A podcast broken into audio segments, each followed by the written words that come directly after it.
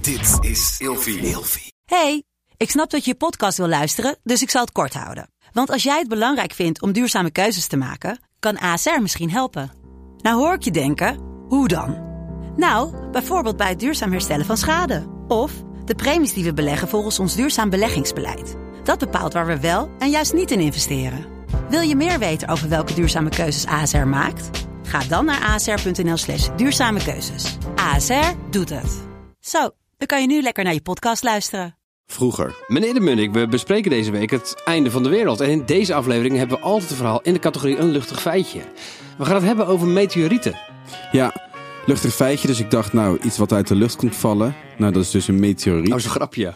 ja, zeker. Leuk, leuk, leuk. Grappig ben ik, hè? Ja. Ik ga vaak stuk om mijn eigen grappen. ja, dat heb ik ook, ja. Ja, want ik ben, ja, ik snap mijn eigen humor het beste. Het is vaak intellectuele humor. Dat kan Oh ja. niet iedereen Nee, hebben, kan weet niet je wel. iedereen Ehm, de dinosaurussen zijn natuurlijk uitgestorven door een meteorietinslag, denken ze.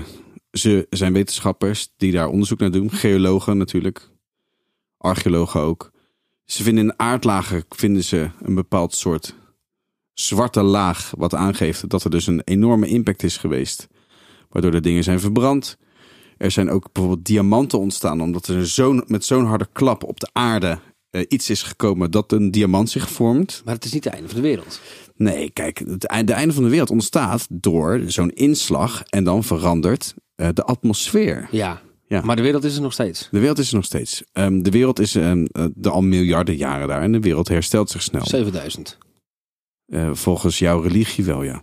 Ehm, wat er gebeurt is dat de meteoriet slaat in en die heeft ongeveer alle dinosaurussen, zeggen ze, hè, ehm, uitgevaagd. Ja. Wat gebeurt er? Ehm, er komt zoveel stof in de atmosfeer en daardoor wordt het zonlicht geblokkeerd. En dan vindt er geen fotosynthese plaats in plantjes. Hebben we geen zuurstof. Hebben we geen zuurstof. Oh.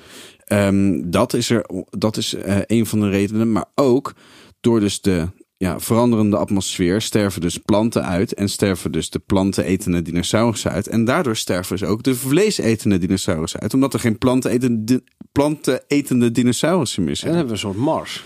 Eigenlijk wel. Is dat het einde als van de je, wereld? nou ja, als je ervan uitgaat dat misschien Mars ooit bewoond is geweest. Misschien krijgen we dat nog te horen. En Wat is dan het luchtige feitje van vandaag? Nou, het luchtig feitje is dus dat het gevaar uit de lucht komt. Dankjewel. Tot Morgen. Vroeger.